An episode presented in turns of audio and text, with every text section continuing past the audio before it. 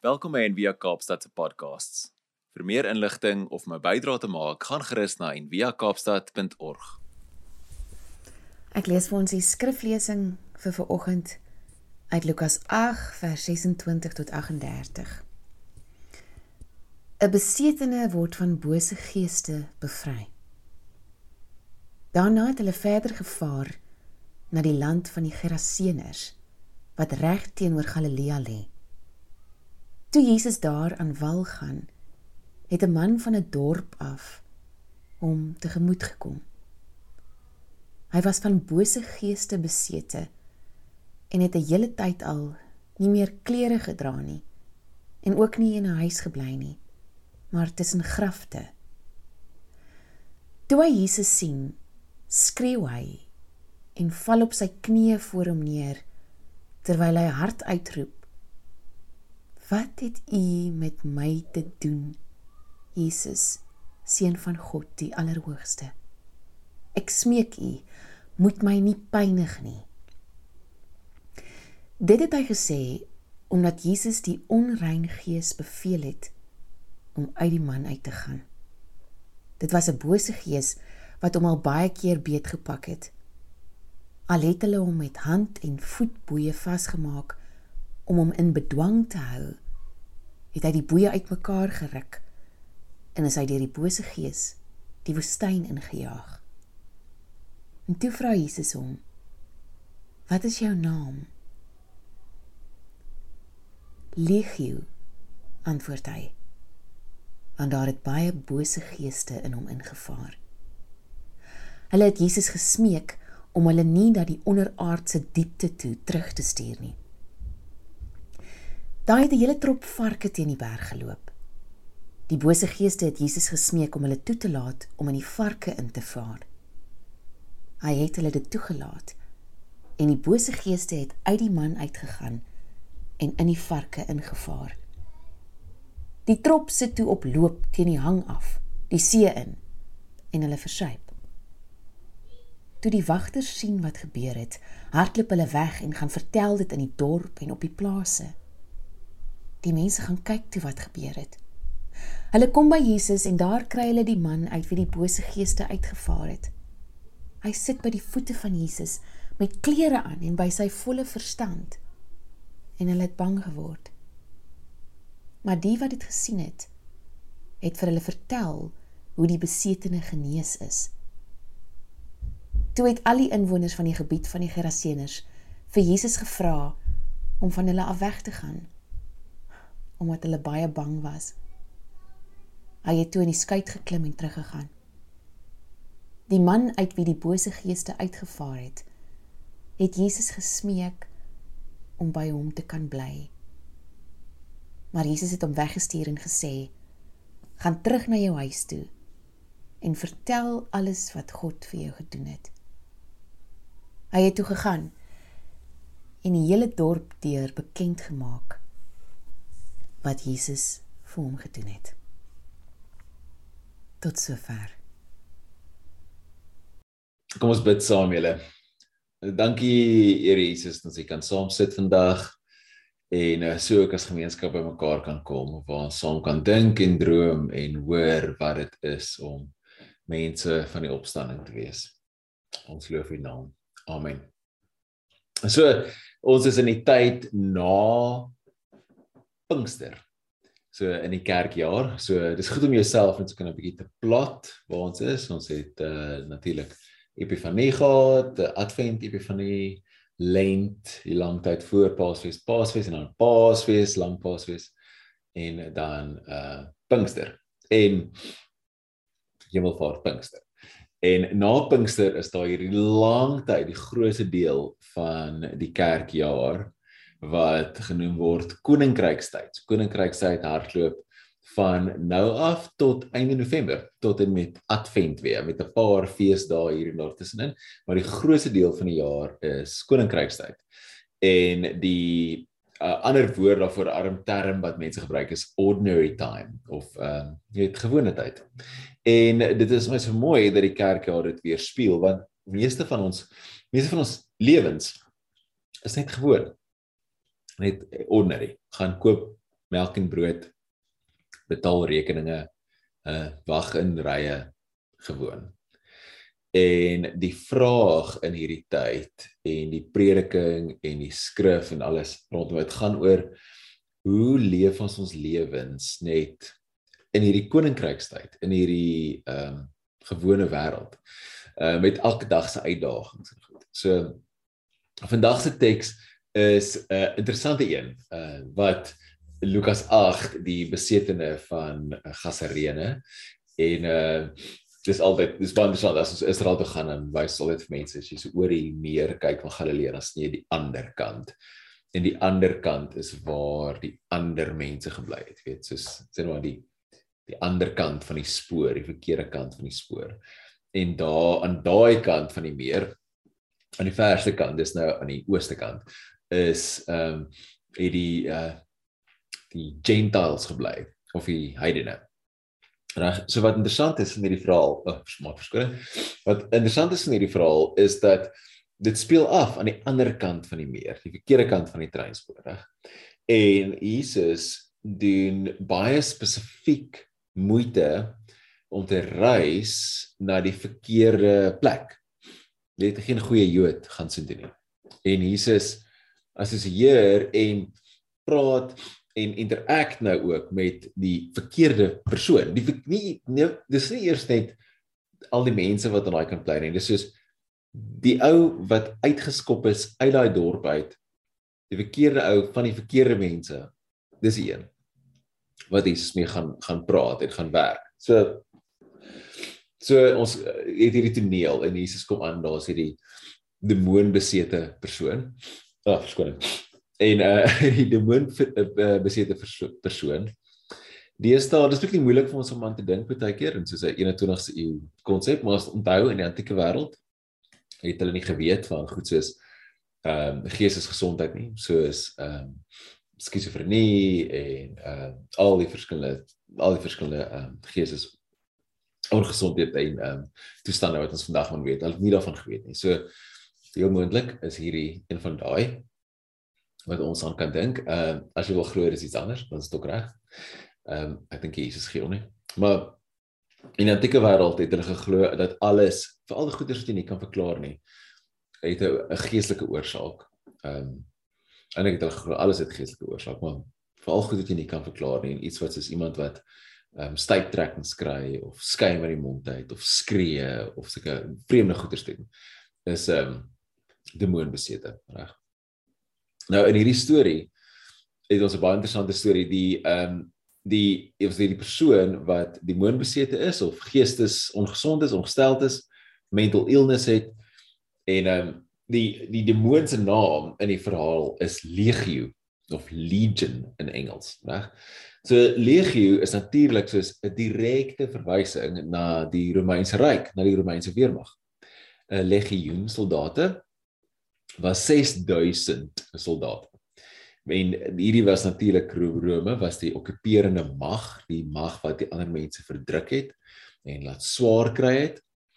En uh so die ironie in die teks is of eintlik wat die skrywer ook vir ons sê is hierdie hierdie jy het hierdie siek mens wat eh, geestes ongestel is wat nie mentally nie goed mee dit of nie goed mee gaan nie. En ehm um, dan jy hierdie legio, hierdie legioen wat hom vashou, wat hom verdruk. So dis diep simbolies ook van aard reg. En um, ons hoef ook nie eers eintlik ver te gaan kyk in ons eie geskiedenis as Suid-Afrikaners wat gebeur met 'n mensegroep se mental welstand wanneer hulle verdruk word vir dekades of vir generasies. Reg? So Ons hoef nie verder te gaan krap met die negatiewe gevolg van sulke langtermyn verdrukking op mense se psiges te vind nie. Ehm um, Steve Biko het baie hieroor geskryf en sy werk is regtig belangrik vir sulke tipe gesprekke. Maar hy het geskryf onder andere the greatest weapon in the hand of the oppressor is the mind of the oppressed. So daai is 'n groot deel van wat verdrukking is en wat dit aan 'n mens doen. Nou as ons so 'n bietjie deur net hierdie storie stap, wil ek jou nooi om jouself ook kan te plaas in hierdie storie. Uh ons praat baie van 'n gospel contemplation, 'n manier van die teks lees waar jy jouself plaas in die teks of as een van die disippels, dalk as Jesus self, die uh besetene, die mense in die dorp, al die al die verskillende goeters. Dalk uh nou nou nie heeltemal die varke nie, maar so legio die demoon of demone uh smeek dan om in die varke in te gaan, nê. Ehm en net so bekend dat ek het so hierdie fantastiese uh grappie, seker maar meme, so my seentjie sê, op ehm uh, die internet gekry reg waar die vark die vark vertel die storie of een van die varke vertel die storie en vertel van hoe sy amper dood is nou die dag want daar het hierdie ou gekom en daar was die ander ou wat altyd by die grafte is en toe sê die een ou get out of the man en toe gebeur al die storie en toe sê toe sê die ou no i don't want to go out let me go into the pigs dan sê die vark and i said the pigs. So I left. And I'm so glad that I did because the next thing you know, the whole herd ran off a cliff. so die beautiful snaakse storie. Maar in elk geval, so legio smeek om in die varke in te gaan, né? Nou varke natuurlik, soos ons almal weet, is diere wat nie kosher is nie, wat jy nie mag eet nie, vuil diere en eintlik so te sê nutteloos in die antieke wêreld. So veral in die Jode se in die Jode se oë. So die ironie en die die die hierdie grap om die Romeinse legio legioen met die trop varke te assosieer sou nie oor die die leser of die hoorder van hierdie verhaal se se kop gegaan het nie, reg? Dis is ironies en dit is 'n klein bietjie snaaks dat legio in die varke ingaan. Kies om in die varke in te gaan, hierdie vuil diere, reg? So en, en nog verder het vir interessantheid, die 10de legioen was in Israel gestasioneer tydens die tyd van Jesus. En uh, hierdie legioen, almal het 'n banner gehad, reg, en 'n mascot, soos 'n gelugbrenger. Soos jy het net maar jy het billetjie vir die blou bulle. En uh is die zebra obviously lank genoeg in die Kaap nie zebra vir die vir die ou WP. Reg, maar elmal. So hierdie ehm um, hierdie hierdie legioen, die 10de legioen se gelukbringer, die mascot was 'n wilde vark. Reg. So daar's dus nog goedjies wat aangaan binne binne in hierdie teks. Nou daai is die storie van dis kan of die die groot ou raking storie en dan na die tyd dan is hierdie man vry en Jesus stuur hom terug na sy mense toe. Reg. Nou kom ons kyk 'n bietjie net bietjie nader na die verskillende na karakters en groepe binne in hierdie verhaal. So ons het die man, die persoon wat tussen die grafte bly. Hy bly al lank tussen die grafte, dit sê 'n geruime tyd lank, reg en hy's kaal, nie klere nie. En hy is eintlik kom soos 'n dier voor, nê, nie meer mens nie. En wat interessant is is hy is naamloos. Sy naam word nooit genoem in die storie nie. Ehm um, die demoon het 'n naam, Legio, die demoon spreek Jesus ook aan op sy naam en sê hy's Jesus, weet seun van die Allerhoogste, naam, titel. Maar die man in die verhaal is naamloos. En daar is my so interessante detail want baie keer as ons dink oor mense in ons in ons kringe, in ons gemeenskappe wat geestes ongesteld is, wat nie uh nie gesond is nie. Sielkundig gesond is nie, reg? Dan is dit nie dalk hoe ons dink aan hulle nie. Naamloos. amper amper nie op 'n manier nie meer mense nie. En ek amper soos 'n soos 'n dier.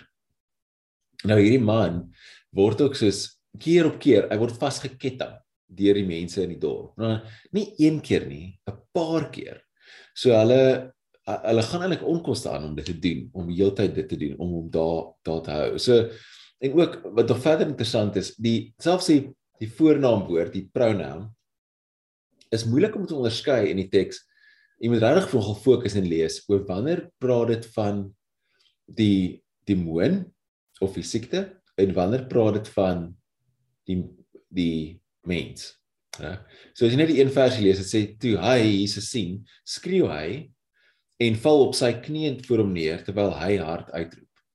So baie keer is daai hy die man en ander kere is dit is dit nou legio is dit nou die demoon so hy val op sy op sy knieë die demoon het mos aan die knieë nie maar dan sit hy wat uitroep vir die demoon so dis die snaakse gebruik van die van die pronoun van die van die voornaamwoord dit is moeilik en so ek dink ek dink vir ons is dit moeilik om te onderskei tussen die mens en die toestand. Die mens en die siekte.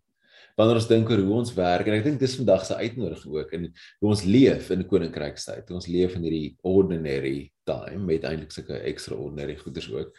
Is 'n ehm, hoe leef ons saam met mense wat demensie het, wat Alzheimer het, wat depressief is, wat angs het, wat selfverdedigings het, wat psigopaties is, wat skizofrenies is, wat bipolêr is. Al hoe leef ons met hulle? En baie keer is dit moeilik om te onderskei tussen die die pers, die persoon, die mens en die toestand wat hulle het. Dat jy die die die voornaamwoorde kan oor en weer gebruik.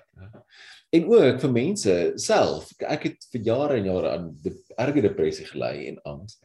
En dis moeilik. Een van my grootste uitdagings was om te kon onderskei tussen wie peer is en wie die swart hond is wat die depressie is. Dat dit nie ek is nie. Um en daai was 'n baie groot en moeilike reis vir my om daai twee goeders van mekaar af los te maak. So as jy jouself sien, jy sien jouself met hierdie of jy sukkel dalk met met mental illness is daai iets om wat ek net eintlik wil wil wil wil noem en wil raak sien en sê dit is moeilik. Dit is moeilik om daai onderskeid te maak. Reg? En as ons nog verder gaan oor hierdie onderskeid maak en en onder en om te kan sien, is ook is ook moeilik vir ons om om God se beeld in sekere mense te kan onderskei. Ons sukkel om God se beeld raak te sien in so iemand. Weet en vir my wat aan depressie gelei het, is ek is baie keer, meer as een keer gesê, "Ou, oh, ek het gesê dis dit is 'n demoon." En ehm um, ek is ook gesê dat jy mag nie Christene mag nie ongelukkig wees nie. Jy moet altyd vreugdevol wees, reg? Uh happy wees. Ehm um, dat my dink aan aan ehm um, ag, wat sy naam William Kentridge wat eendag vir 'n vrou gesê het, sy het hom gevra, ehm, um, "Are you content with your life?" Dis sê for, "Are you do you mean I'm happy?" to say so oh goodness no. Happiness is for americans. Are you content? Reg. Maar in 'n geval so dis moeilik vir ons om God se beeld in hierdie mense te sien. Partykeer omdat ons 'n vooropgestelde idee het van wat dit beteken om God se beeld raak te sien Ehm um, en baie keer is dit moeilik vir ons want die mense se gedrag is nie wat ons wil hê nie of dis moeilik ons moet hanteer. So gevolglik hierdie man en soos baie van hierdie mense word deur sy dorp verwerp. Hy is die mal een, en die mal een op die dorp en uh, hy word deur sy dorp verwerp. En moontlik is dit doen hulle dit dalk vir hulle eie beskerming, reg? Of en dalk ook vir syne. As ons dan moet dink hoekom dit nou gebeur het. En hulle gaan dus onkoste en moeite aan om hom soos meer as een keer vas te ketting, want dit sê hy het sy boeye gebreek 'n paar keer, dan moet hulle dit weer doen, dan weer. So maar dit laat my wonder, weet hoekom het hulle hom nie net laat gaan nie? Hoekom of hoekom het hulle hom nie doodgemaak nie? kyk hoekom jy was ook nou 2000 jaar terug. So hoekom het hulle my sê hy so gevaarlik was? Hoekom het hulle my doodgemaak? Hy kom ketting aan hom vas. Iemand moes hom sorg, hom moes hom kos vat. Weer is so 'n dalk het hulle van omgegee, dalk is want dis 'n dis 'n vreemde situasie.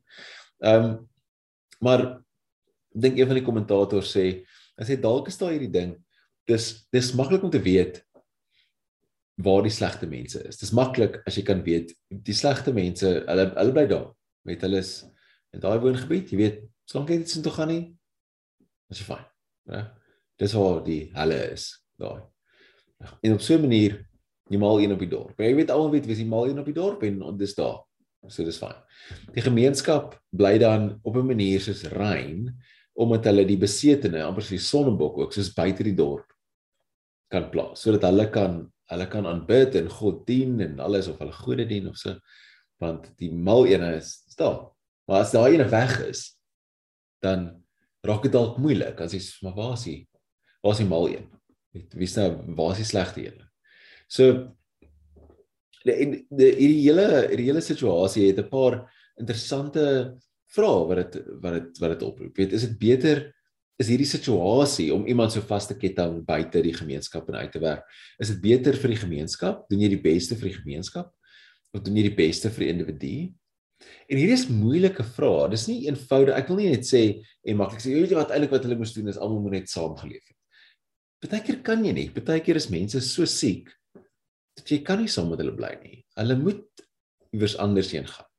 Reg? En ander kere nie.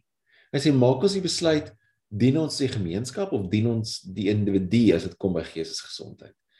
En by die hele spektrum van geestes geestestoestande is soos depressie, angs, verslawings is is dit eenvoudiger om net die mense uit die samelewing uit te haal of ooreageer ons te maklik en moet ons dit dalk nie doen nie. Wil ons hulle uitsien sodat ons kan kan rein bly. En ehm um, weer eens hoe hoe hanteer ons mense? Is die vraag vir my, hoe hanteer ons mense wanneer dit moeilik is om die beeld van God in hulle raak te sien? Hoe hanteer ons daai ene op die dorp, reg? Nou, die punt van hierdie verhaal is natuurlik dat maar Jesus sien die beeld van God in hierdie man. En hy bring natuurlik die goeie nuus van van vryheid en van verlossing. So die goeie nuus, euangelon, is die woord so eu beteken goed, angelon soos angel, engel, beteken boodskapper.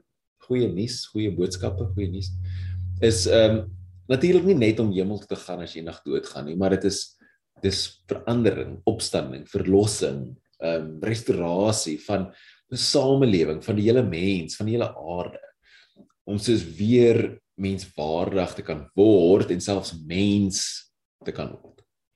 So die Ou Testament, as ons die kan 'n oorsprong van hierdie woord trek, die Ou Testament het 'n reeks slegte konings gehad na Dawid en Salomo. Salomo was ook nie so great nie, ek maar na Dawid en Salomo was daar 'n reeks slegte konings. Toe was dit Jesaja die profeet wat gesê het, hy het gesê ek bring vir julle goeie nuus. Ek vertel vir julle goeie nuus.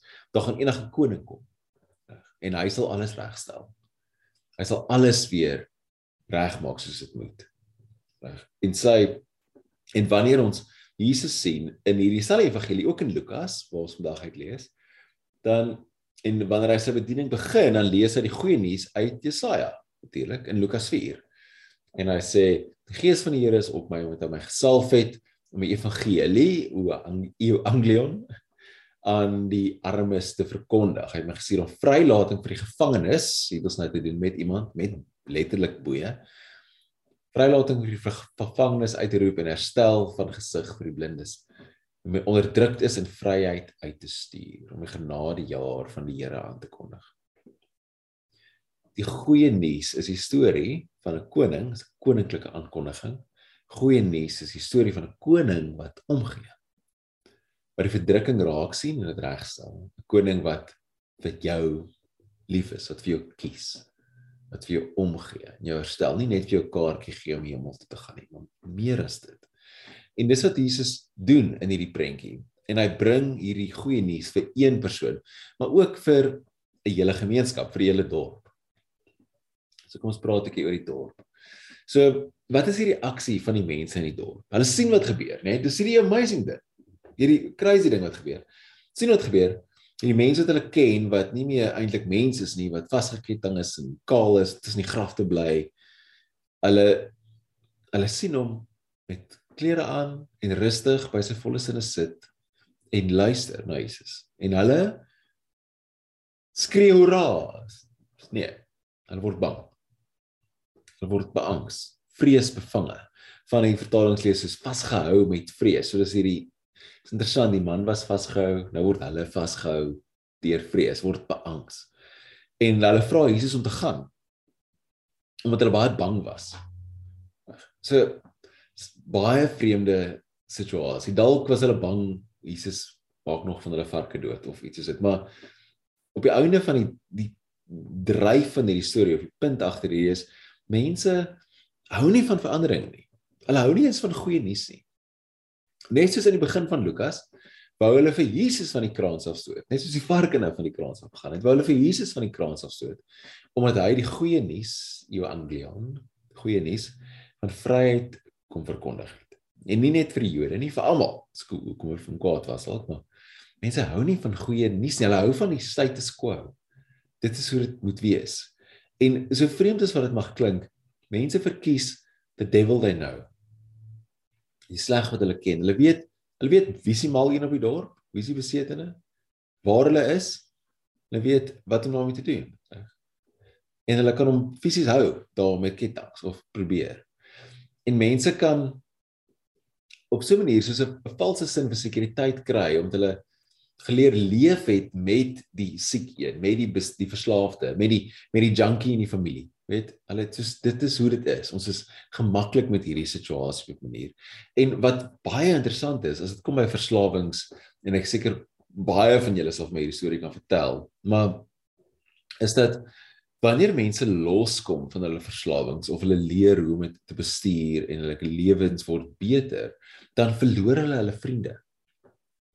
En nie net hulle ander sien maar verslaafde vriende nie. Kom ons sê nou maar junkies om nou spesifieke voorbeeld te gebruik of dwelmverslaafdes of so nie.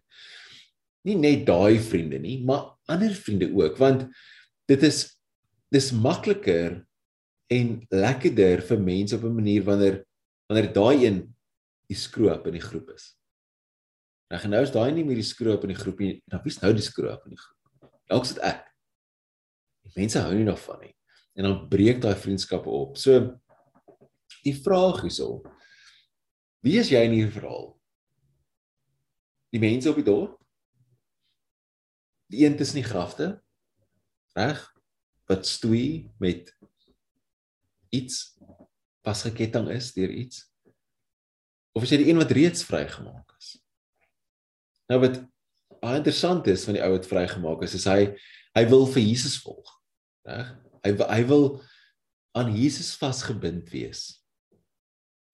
Amper soos hy deur legio, deur die siekte of deur die demoon vasgebind was. Maar Jesus laat dit nie toe nie. Hy stuur hom terug na sy dorp toe om daar te gaan vertel. En ons stories, dis hierdie mooi ding want as hy aan Jesus vasgebind was of hom gevolg het, dan sou hy net moontlik nog 'n volgeling gewees het. Het nog een van die mense wat agter Jesus aangeloop het, een van die skare? Maar sy storie is kragtiger wanneer dit vertel word vir die wat hom geken het voordat Jesus God se beeld in hom raak gesien het. En ons stories werk so ook. Wanneer jy teruggaan na die mense toe wat jou geken het voor die tyd, wat dalk nie eers nou met jou vriende wil wees nie, maar jy gaan terug na hulle toe om meer hulle sien die verandering dit wat Jesus in jou lewe gedoen het. Dan is dit 'n kragtige storie. So hierdie verhaal 'n vraag vir ons as gemeenskap baie vra en dit vra moeilike vrae. Hoe bind ons mense vas? Hè? Hey, Watse maniere is ons besig om mense vas te bind? En wat maak ons met die waarin dit moeilik vir ons is om die beeld van God raak te sien. Hou ons mense apart en gevange vir hulle eie beswil of vir ons beswil? Of hou ons hulle dalk apart sodat ons kan goed voel? Sodat ons kan superieur voel, sodat ons kan weet met daai daai een daar's hy mal een op die dorp. En hoe hoe hoe leef ons met hierdie hoe leef ons nou as mense in die koninkryk, in koninkrykstyd met die goeie nuus? Hoe help ons mense by die werk, by die kerk, in die begrafplaas, in die in die kliniek en die hospitaal? Hoe help ons mense om om los te kom, om vry te kom? En dan verder, wat maak ons as ons losgekom het van so 'n toestand as ons vrygemaak is van of dit nou 'n geestestoestand is of 'n verslawing of wat ook al. Maak ons onsself bloot net vas aan iemand anders. En ek het hierdie al baie gesien dat wanneer mense veral in kerk, dan kom hulle los van verslawing of van het, iets sleg in hulle lewe, geestestoestand of wat ook al. Hulle kom los en dan maak hulle self vas aan die kerkleier of aan iemand by die gemeente of aan die hele kerk self en sal net hulle self afsloof en heeltemal definieer rondom daai daai persoon of daai gemeenskap op 'n baie ongesonde manier. Soveel dat hulle niks anders doen nie. Maar dis nie wat Jesus hulle na toe uitnooi nie. Wat Jesus ons almal na toe uitnooi is om die goeie nuus vir ander mense te gaan vertel. Verder, groter. So vertel ons aan ander. So as jy een van daai mense is, ek dink ons almal op 'n manier is, is hoe leef jy met daai storie? Hoe leef jy met daai storie? Of dalk het jy vandag nog nodig om om los te kom en vry te kom. Dalk het jy vandag nodig om die goeie nuus te hoor en te hoor Jesus sien die beeld van God in jou raak. Ons sien die beeld van God in jou raak. En daar's 'n uitnodiging vir jou om heel te word en gesond te word. 'n Uitnodiging van vryheid. Dalk is dit wat jy moet hoor vandag. Amen. Kom ons bid saam, julle. Dankie Here Jesus dat U vir ons goed is, dat U ons vry maak, dat U die beeld van God in ons raak sien. Gee ons wysheid en insig om te weet hoe om te werk met ons eie kettinge en om te werk met mense wat moeilik is.